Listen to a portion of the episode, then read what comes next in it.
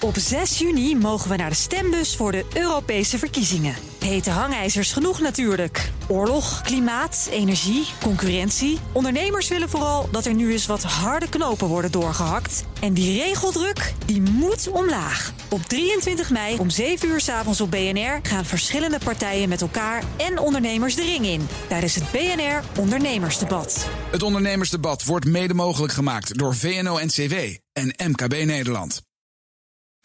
De column van Ben van den Burg. Zo'n laatste week van het jaar. Als we in alle rust 2017 nog eens doornemen, denk ik vaak aan Joop Zoetemelk. Niet omdat hij zes keer tweede werd in de Tour de France, wat knap en tegelijkertijd ook grappig is. Ook niet omdat hij na zijn winst in 1980 mij stimuleerde om zelf topsporter te worden. Joop Zoetemelk popt in mijn gedachten op vanwege een legendarische uitspraak. De Tour de France win je in bed. Dat vond ik zo gek. In feite klopt er ook helemaal niets van, want er zullen verliezers zijn die veel meer slapen dan de winnaar van een Tour de France. Hij wilde echter mee zeggen: rusten is minstens zo belangrijk als de inspanning. En ik hoorde een paar weken geleden iemand van Facebook zeggen dat een Facebook-gebruiker per dag gemiddeld 150 meter door zijn tijdslijn scrolt. De cijfers wisselen nog wel eens, maar we schijnen gemiddeld 150 keer per dag onze telefoon te checken en een Amerikaan spendeert 5 uur per dag op zijn telefoon. Ik spreek niet mijn verontwaardiging uit over deze getallen. Als mensen een kilometer willen scrollen per dag, duizend keer hun telefoon checken en tien uur op een telefoon doorbrengen, dan moeten ze dat lekker zelf weten. Alleen, het is niet zo slim. Ik genoot onlangs van het onderzoek naar het gedrag van de Amerikaanse jeugd na het uitkomen van de iPhone in 2007. Gingen ze in het pre-iPhone-tijdperk nog eens met vrienden hangen in het openbaar. In het post-iPhone-tijdperk vinden ze dat minder aangenaam. Ook voelen ze zich eenzamer, daten minder en ze hebben minder seks. Tot slot slapen ze ook minder. De iPhone kun je niet de schuld geven van deze ogenschijnlijk onaangename gedragsveranderingen.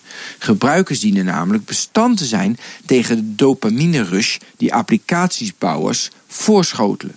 Gebruikers dienen zelf te snappen dat die hersens af en toe rust nodig hebben. Door te veel prikkels raken ze oververhit, wat ten koste gaat van je creativiteit, rust en ook vooral plezier. Vanaf mijn vroegste jeugd zei mijn vader rust roest. Deze uitspraak staat haaks op de uitspraak van Joop Zoetemelk. De balans tussen activiteit ontplooien en rust luistert inderdaad nauw. Als je terugkijkt naar 2017 en de cijfers bestudeert hoeveel uur wij ons laten afleiden door onzinnieuws, sociaal media gebruik en spelletjes, dan gun je velen in 2018 meer mijmertijd, staren in het niets en vooral verveling. Maar het zal nog een hele kluif worden om dat te bereiken. En dat zei Ben.